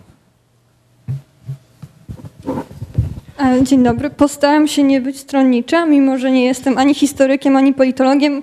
Jestem antropologiem i arabistką na początku swojej drogi. Kilka uwag takich pytających. Nie będę mówić, e, z czym się nie zgadzam. E, To, co chciałam powiedzieć przede wszystkim, to to, że to się bardzo, bardzo zmienia. Sytuacja między Fatahem i Hamasem. Wystarczy czytać e, jakby na bieżąco Al Jazeera, żeby wiedzieć, że oni po arabskiej wiośnie jakby próbują rozmawiać. I w ostatnim tygodniu Khaled Meshal powiedział, że e, Hamas jest skłonny jakby tego terroryzmu już nie używać, tak? Tej przemocy. Ma być ustanowiony rząd jedności narodowej. Tak, oni się ciągle spotykają, spotykają się w Katarze, spotykają się w Kairze i oni ciągle próbują coś razem zrobić, rozpisują wybory. W tym roku powinny być wybory, więc e, to nie jest tak, że to się kończy na tych e, latach dwutysięcznych i że dalej nie ma nic. To się, to się ciągle zmienia i jest, ja przynajmniej mam nadzieję, na jakąś stabilizację i na pogodzenie między Fatahem a Hamasem. To jedna rzecz. E, I jeszcze mam takie pytania. Jeśli chodzi o podział, ideologię szachidów, jak pan podzielił, który, który szachid kierował się względami religijnymi, a który nacjonalistycznymi? Czy pan tylko to zrobił na podstawie e, ich przynależności do... Na podstawie ich przy- przynależności do odpowiednich organizacji. Jaką, Dobra. o- Okej, jaką tak. ideologię miała e, organizacja, to- taki... A metodologicznie skąd indywidualna motywacja? Skąd to znamy? Bo tam też był ten podział na zemstę i tak dalej. Tak, tak, Znaczy, tak. sk- jak, jak to zostało zbadane? Znaczy, są specjalne dane statystyczne y, również, szczególnie Hamas podaje właśnie jaki y, z jaką ideologią czy, czy z jaką motywacją zamachowcy samobójcy przystępują do zamachów. I cały ich proces szkolenia, również ile on trwa, to jest wszystko po- podawane, prawda? Ile, ile że to jest nawet 8 do 10 a miesięcy wy- wyszkolenie zamachowcy samobójcy. On, y, cały jego proces, y, ta noc wcześniejsza, że on po prostu ubiera białe szaty, dokonuje oblucji, obmycia się rytualnego, prawda? On tam czyta Koran i tak dalej, i tak dalej. Hamas podaje. y, Motywację. Te, tak. Daję motywację, dobra. Znaczy, to tylko było Same- moje pytanie. Sam tak? te, Stąd- te, testament zamachowców samobójców jest taką ostatnią, Mhm. jakby tak, ale prawda, cały proces jest jednak podawany. Dobra, czyli to- chodziło o taką metodologię, skąd się te procenty wzięły, jakby. y, tak, i jeszcze jedna rzecz, to jest tylko taka uwaga i trochę pytanie. Nie wiem, jak pan definiuje terroryzm i to też bym chciała, żeby pan powiedział, bo pan się zawahał i kiedy mówił na przykład o likwidacji Jasina, powiedział pan, że nie był to zamach terrorystyczny, tylko był to zamach, tak? E, Więc chciałabym wiedzieć, jaka jest pańska definicja terroryzmu jako badacza, który się tym zajmuje. Znaczy, te, terroryzm jest metodą, ale jest również y, w pewien sposób to zjawiskiem. A jeśli chodzi o te, te, te, terroryzm, to stosowanie przemocy w celach politycznych, ale my to uznajemy po, powiedzmy jako y, przemoc y, skie- skierowania na instytucje państwowe. Ja mogę po, po, po powiedzieć, że na przykład y, bardzo często się mówi o, te, terroryści, o terroryzmie izraelskim w kontekście różnego rodzaju operacji zbrojnych. Tak? Czyli na przykład w 2008 roku zginęło ponad tysiąc Palestyńczyków, gdy Izrael dokonał agresji na strefę gazy. Ale to nie był to te, terroryzm sensu stricto. My nie używamy pewnych innych słów, które już w pewien sposób z definicji zo, zo, zostało tak w mniejszym stopniu y, są, są używane jak, jak, jak pogrom na przykład, tak? jak zbrodnia wo- wojenna. Y, Dzisiaj zbrodnia wojenna ma mniejsze znaczenie od terroryzmu na przykład, albo się rzadziej to stosuje. Bardzo często się mówi, że to terroryzm, to te, terroryzm, ale na przykład zbrodnia wojenną czy zbrodnią przeciw lu- ludzkości pewne działania Izraela można by dokonać, prawda? Je- Jeśli chodzi o zamachy, właśnie te, ta selektywna eliminacja. Y, Trzeba pamiętać, że są to osoby oskarżane o o, te, o terroryzm, prawda? Odpowiedzialne za stosowanie przemocy wobec również niewinnych osób. Mimo, że w tym momencie one nie stanowiły zagrożenia, prawda? Bo nikt nie zamordował Yassina Rantisiego czy Shikakiego z karabinem w ręku. Oni albo wychodzili z meczetu, czy podróżowali, czy byli na wakacjach. E, Tak samo y, zamordowano Abu Dżihada w 1988 roku. Y, To jest właśnie też dy- dyskusyjne, czy to był to terroryzm państwowy, czy to była zbrodnia, czy jakiś inny akt przemocy nie- do końca zde- zdefiniowany. Dziękuję. Ja mam dwa pytania. Pierwsze to jest, jaki jest stosunek y, y, władz w Iranie do Hamasu i Fatahu? A drugie pytanie, czy poprawa sytuacji ekonomicznej na terenie s- autonomii palestyńskiej może mieć wpływ na y, złagodzenie tego y, zjawiska? I trzecie pytanie, jaki jest stosunek obecnego prezydenta autonomii do Hamasu? Może y, zacznę od pytania to. Trzeciego tutaj akurat w dyskusji z panią w pewien sposób to po, powiedzieliśmy, że oni próbują się dogadać. Tak? Dzisiaj prezydent autonomii palestyńskiej ma stanąć to na czele rządu jedności to, na, to narodowej, ale już takie próby rządów jedności to narodowej już było kilka y, po, po, powiedzmy od tego 2005-2006 roku. Y, Jeśli chodzi o Iran. Iran przez lata wspierał Hamas. To jest około 100 milionów rocznie funduszy dla Hamasu. Y, Bardzo często analitycy po, po, podkreślają takie to dozbrajanie Hamasu, że Iran, który sąsiaduje z Libanem na przykład, y, dostarcza uzbrojenia Hezbollahowi, przez, y, chociaż głównie przez Sy- Sy- Syrię lub Turcję, y, i następnie Hezbollah dostarcza przez Synaj y, tego samego uzbrojenia do Hamasu. Czyli tak jakby Iran dostarcza uzbrojenia Hamasowi przez Hezbollah. I je- jeszcze jedno pytanie dotyczyło sytuacja ekonomiczna. Y, Do momentu, aż y, to są troszkę dwa światy. Y, Byłem akurat na zachodnim brzegu Jordanu i sytuacja naprawdę jest dość dobra. Sytuacja w strefie gazy, z tego co wiem, jest katastrofalna. Dlatego im gorsza sytuacja ekonomiczna, tym większe poparcie dla, dla radykałów, prawda? No to, to jest to, no, sytuacja jest normą. Im, więcej, im gorzej, tym dla, dla, dla nich lepiej. Czy, czy będzie poprawa, jeśli chodzi o, o, ta- o taką współzależność, poprawa ekonomiczna, a mniejsza radykalizacja? Prawdopodobnie tak.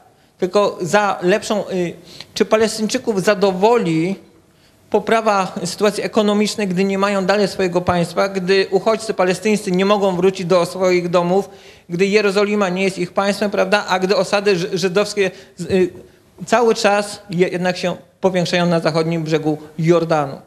Więc z jednej strony y, sytuacja ekonomiczna może być przekupstwem dla Palestyńczyków, żeby zahamowali ten terroryzm, ale może się w pewnym momencie okazać przekupstwem nieskutecznym.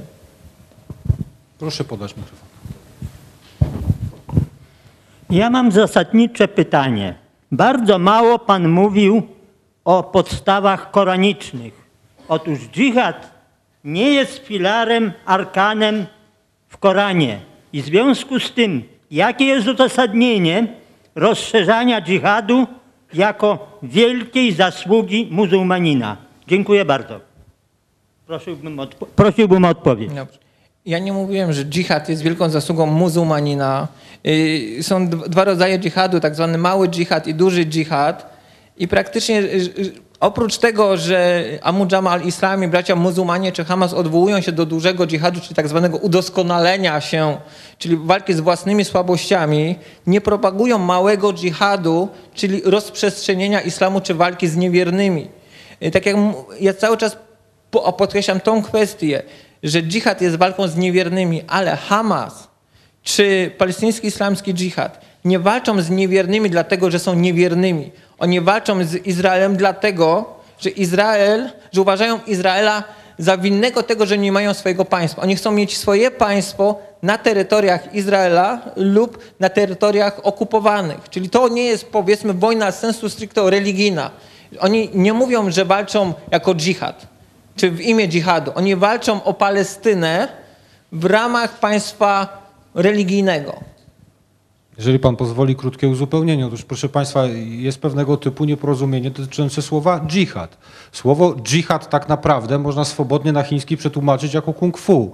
To jest y, rodzaj samodoskonalenia się, uporczywego dążenia do pewnego celu, który daje nam pewnego typu oświecenie. I tylko od światopoglądu osoby, która będzie wyznawała taki pogląd, y, będzie zależało, czy to będzie radykalna forma walki, czy na przykład dążność do ukończenia studiów o właściwym kierunku. Jednym słowem, samo założenie, że słowo dżihad w walce coś zmieni, jest założeniem operającym się na pewnego rodzaju błędzie. Jeszcze kilkanaście lat temu większość e, imamów e, okładała fatwą te osoby, które e, dokonywały samobójczych zamachów. Dzisiaj pod wpływem nacisków własnych społeczeństw rzadko który się na to waży. Jeszcze pytania, bo kilka osób się zgłaszało, a w kolejności proszę uprzejmie. Przede wszystkim ja bym proponował zamknąć encyklopedię i zadam panu bardzo proste pytanie. Czy mam, y, bo między Polską a y, Palestyną, zwaną Ziemią Świętą, jest ruch turystyczny. Co by pan powiedział? Czy pan by doradzał jechać, czy nie? No bo, prawda, jeżeli my słyszymy tyle o terroryzmie, to nam, prawda, skóra cierpnie. Tymczasem jak się tam pojedzie, to jest bardzo spokojny kraj jednak. To jest pier- z tego, co nie wiem jak teraz, z tego, co ja widziałem. Y, I no, chciałbym, żeby się pan do tego w jakiś sposób ustosunkował. No i o tym, żeby się Arabowie pogodzili z Żydami, żeby można było Arabów przekupić, tych Palestyńczyków przekupić, to naprawdę trzeba sobie z głowy wybić. Oni, to jest niemożliwe po prostu. Żydzi są hermetyczni.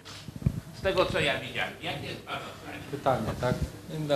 Y, Ja Zaraz pani doradzam, to znaczy nie jest tak, że mówię, że w, w, na terenach Palestyny, Izraela czy terytoriach okupowanych y, nie jest spokojnie. Jest spokojnie. Też byłem kilka razy, czy, czy to na terytoriach y, autonomii, czy, czy Izraela i naprawdę, jak widać, ni- nic mi się nie stało. Te, te zamachy głównie dokonywane były jednak do 2004 roku, do wygaszenia drugiej intifady. Y, jeśli chodzi, praktycznie wtedy, wtedy zakończyły się zamachy samobójcze. Od 2005 roku dokonano dwóch zamachów samobójczych, czyli przez 7 ostatnich lat były tylko dwa zamachy samobójcze. I dlatego, jak ktoś chce jechać do Izraela w celach, w, w celach turystycznych, oczywiście ba- bardzo chętnie tam zapraszam, a, Je- a Jerozolima czy Betlejem, piękne miejsca. Czy coś wiadomo na temat finansowania tych wszystkich ruchów? Y, Oczywiście, że tak. Y, Tu akurat nie, nie mam tego przedstawienia.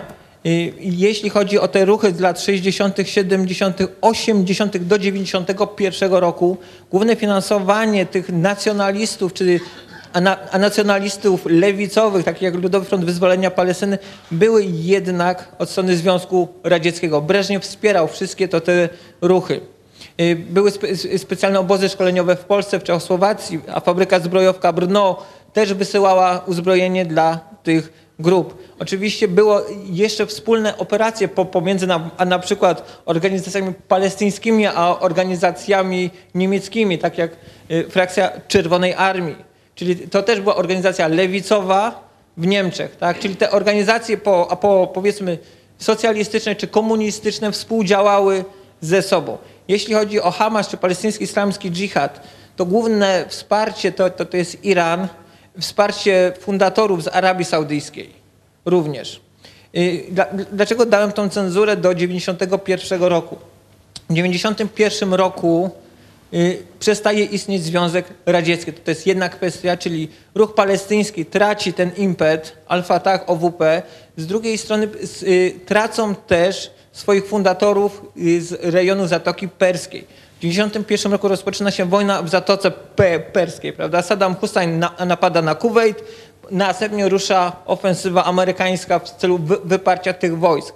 I cały świat a, y, arabski w tym momencie jest przeciwko Saddamowi. Cały świat oprócz Arafata. Arafat jako jedyny przywódca arabski wspiera Saddama Husseina co skutkuje w tym, że na przykład Arabia Saudyjska kończy wspierać finansowo Al-Fatah, OWP, a zaczyna wspierać Hamas. Czyli, czyli ten rok taki przełomowy jest 91 rok. Ale y, Fatah cały czas jest wspierana też y, i y, za pomocą to, to diaspory palestyńskiej, jak również specjalne datki są, czy obłożeni są y, pracownicy palestyńscy w krajach arabskich. Też specjalne podatki odprowadzone są na organizację wyzwolenia Palestyny. Czy jeszcze jakieś pytania z sali? O, są. są. Przepraszam, w kolejności. Ja chciałam się zapytać, to Zachód narobił tego bałaganu tam. W 18 roku obiecali, potem odebrali, tak samo jak było z Polską, mniej więcej, nie pokroili Polskę jak chcieli. I teraz y, ja byłam w obozie palestyńskim w Libanie. Słucham? Ja byłam w obozie palestyńskim w Libanie. To jest nie do opisania. Syf, brud i głód.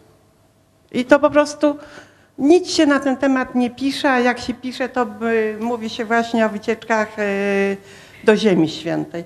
A obóz, obozy palestyńskie to jest nie do opisania. I dopóki będzie taka bieda i biegających tyle dzieci, to tam się nie uspokoi. A co tak, y, jak byłam w Libanie, to chciałam panu powiedzieć, że w odległości od naszego hotelu wysadzili wieżę telewizyjną.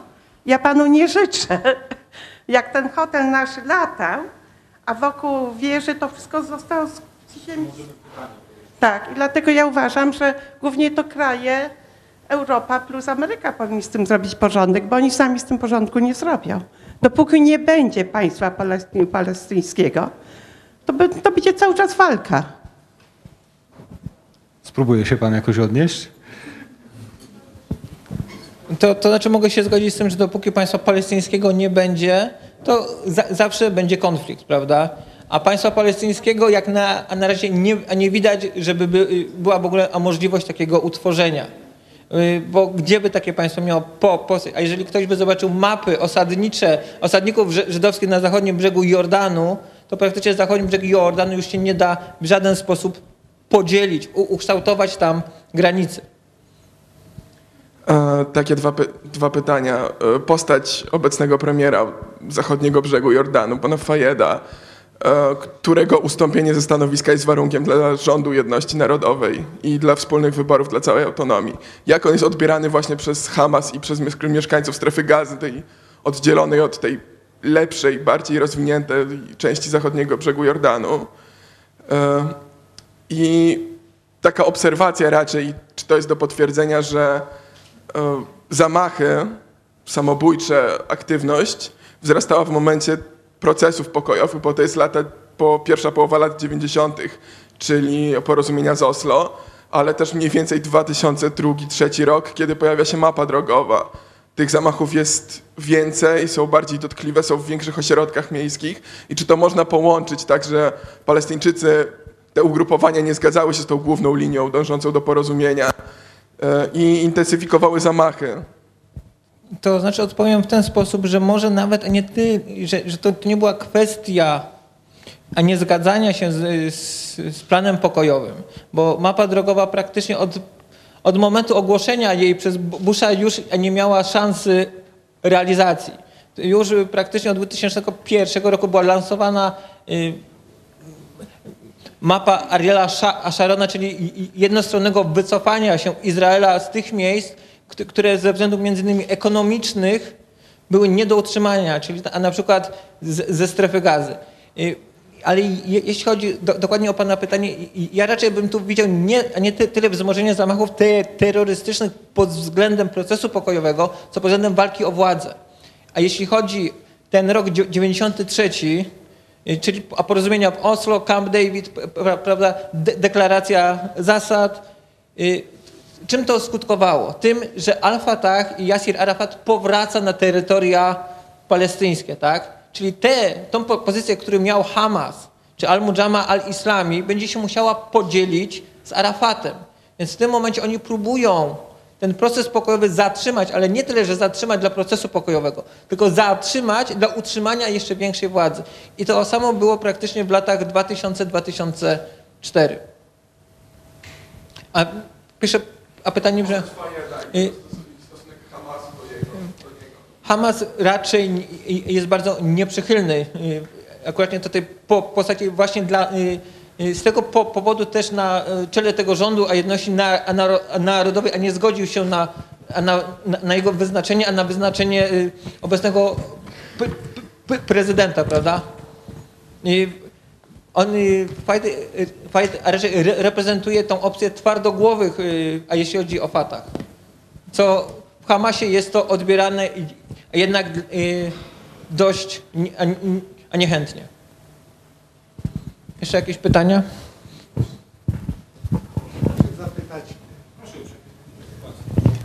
Pan nazywa Zgromadzenie Braci Muzułmańskich zgromadzeniem fundamentalistycznym. W tych dniach czytam artykuły o Egipcie, o zwycięstwie braci, Zgromadzenia Braci Muzułmańskich, ich partii. Czytam artykuły w New York Timesie, w których się pisze, że być może to nie jest zgromadzenie, że to nie jest organizacja fundamentalistyczna. Wprost się mówi, że jest to organizacja umiarkowana. Moje pytanie brzmi, czy to pejoratywne w końcu określenie organizacja fundamentalistyczna nie jest zbyt pochopnie używana i w odniesieniu do dzisiejszego Zgromadzenia Braci Muzułmańskich, przynajmniej w Egipcie, i do Hamasu, dzisiejszego Hamasu 2011-2012 roku.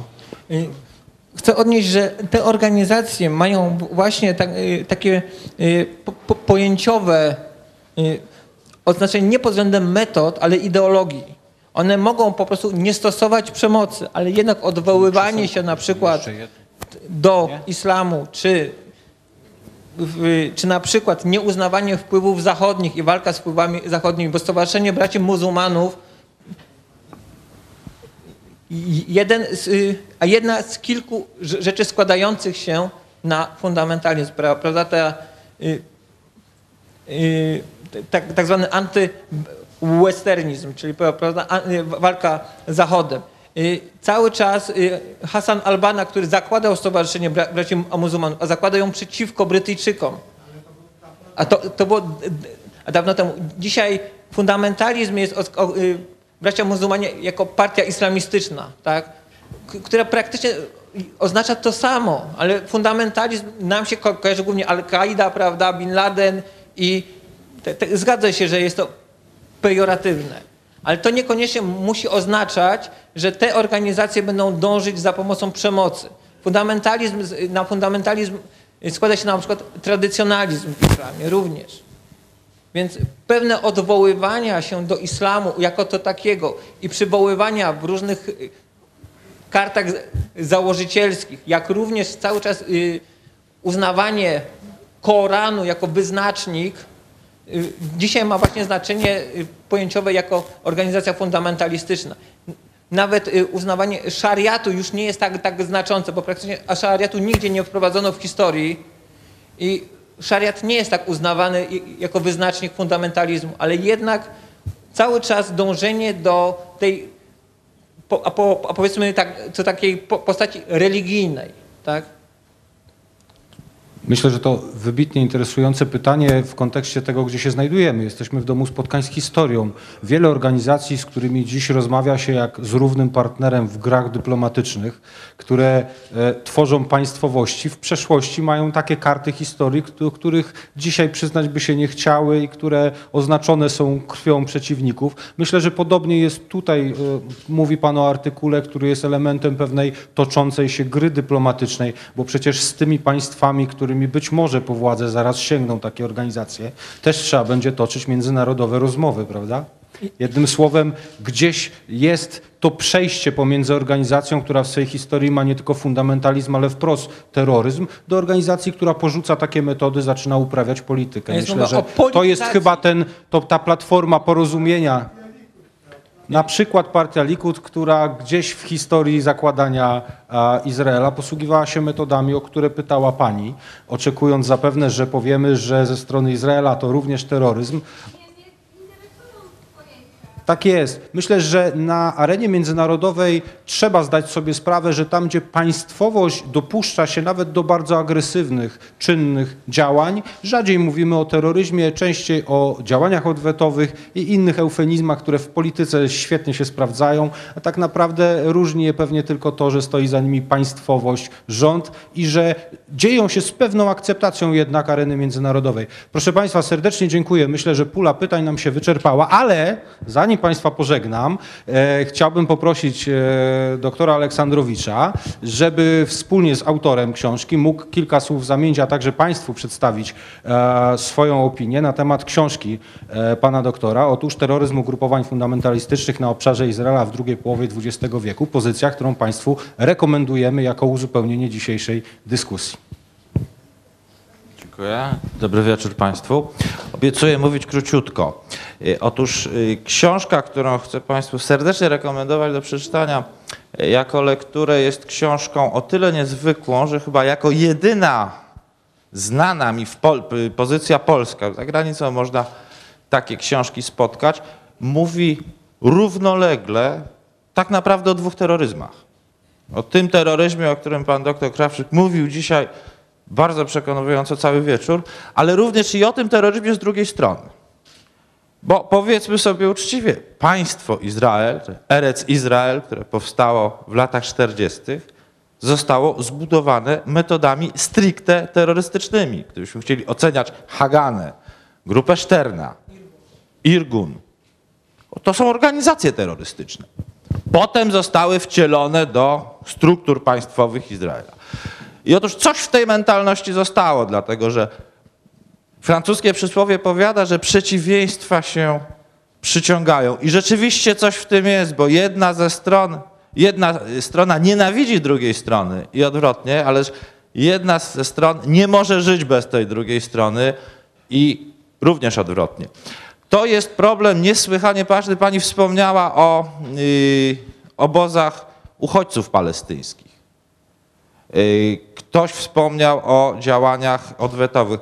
Proszę zwrócić uwagę na, gdybyśmy zrobili sobie dzisiaj sekwencję, o czym zresztą pan doktor Krawczyk właśnie w, tej, w swojej książce pisze, sekwencję tych momentów w historii, kiedy porozumienie pomiędzy Palestyńczykami a Izraelem wydawało się być niemal w zasięgu ręki.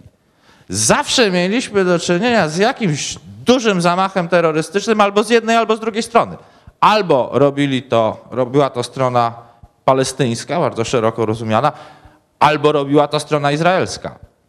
Nie wahając się poświęcić życia własnego premiera w pewnym momencie. Przypominam, że śmierć premiera Izraela Itzhaka Rabina w Itzhaka Rabina 1995 y, roku była dziełem fundamentalistów izraelskich, czy żydowskich w tym momencie, bo tak to by należało powiedzieć. To nie był zamach dokonany przez, y, przez Palestyńczyków. I to jest jedna rzecz, dla której warto na pewno tą książkę przeczytać, ponieważ próbuje stworzyć, to jest niesłychanie trudne, próbuje stworzyć pewną symetrię pomiędzy tym, co dzieje się dzisiaj y, na Bliskim Wschodzie. I jeszcze drugi element, na który chciałbym zwrócić uwagę, który mm, nie jest to zarzut, bo wykład ma swoje prawa i wykład nie jest z gumy, tak? Nie sposób, nie sposób streścić wszystkiego y, w, takim, w, w krótkim wystąpieniu.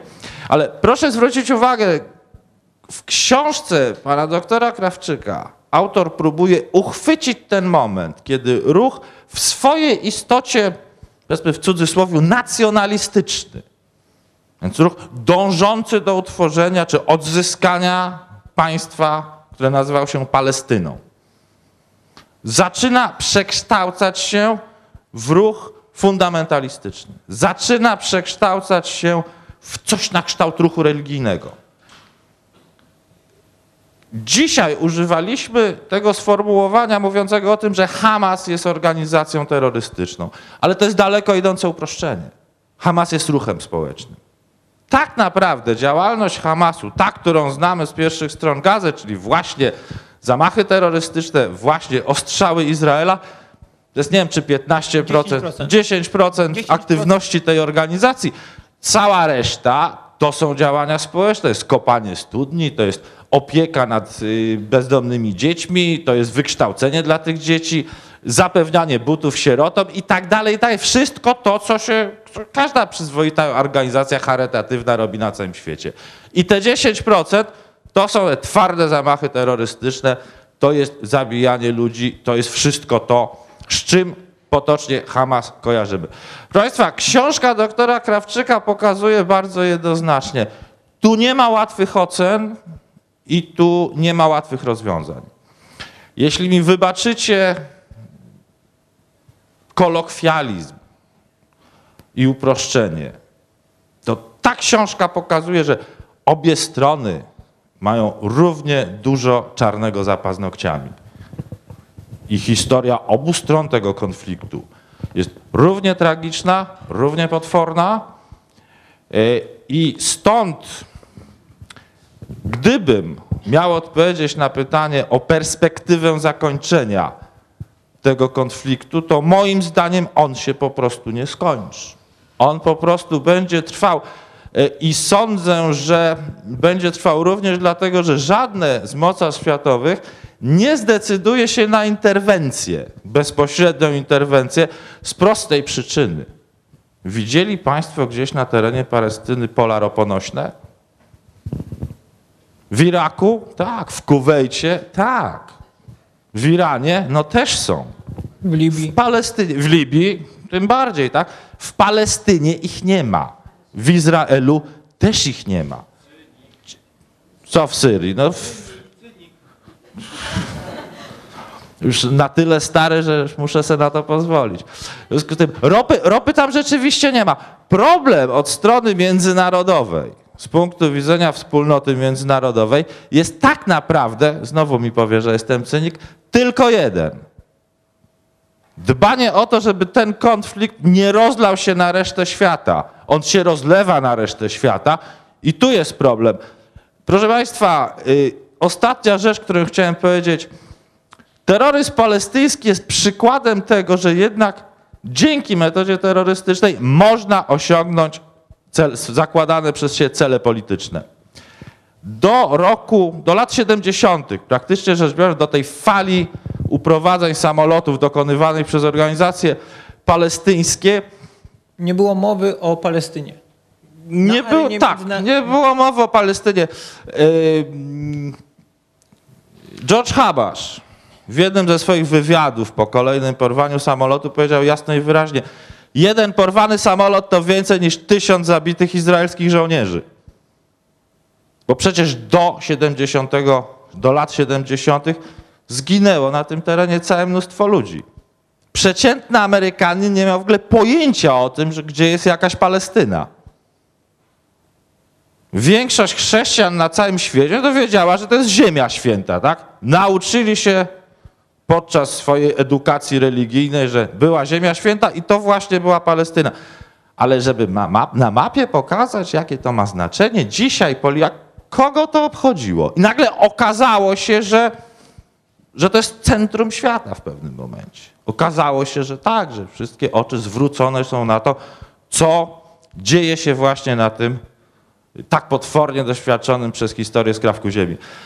Serdecznie Państwa zachęcam do tej lektury, bo y, trudno powiedzieć, żeby ona dawała dystans, bo jest bardzo trudna, bo w końcu mówimy o potwornej historii, potwornym kawałku ludzkiej historii, ale dystans polegający na tym, że co rzadko się bardzo zdarza, opisuje się ten konflikt, y, autor pokusił się o to, żeby oddać go, opisać go, mawiali starożytni, sine, sine ira et studio.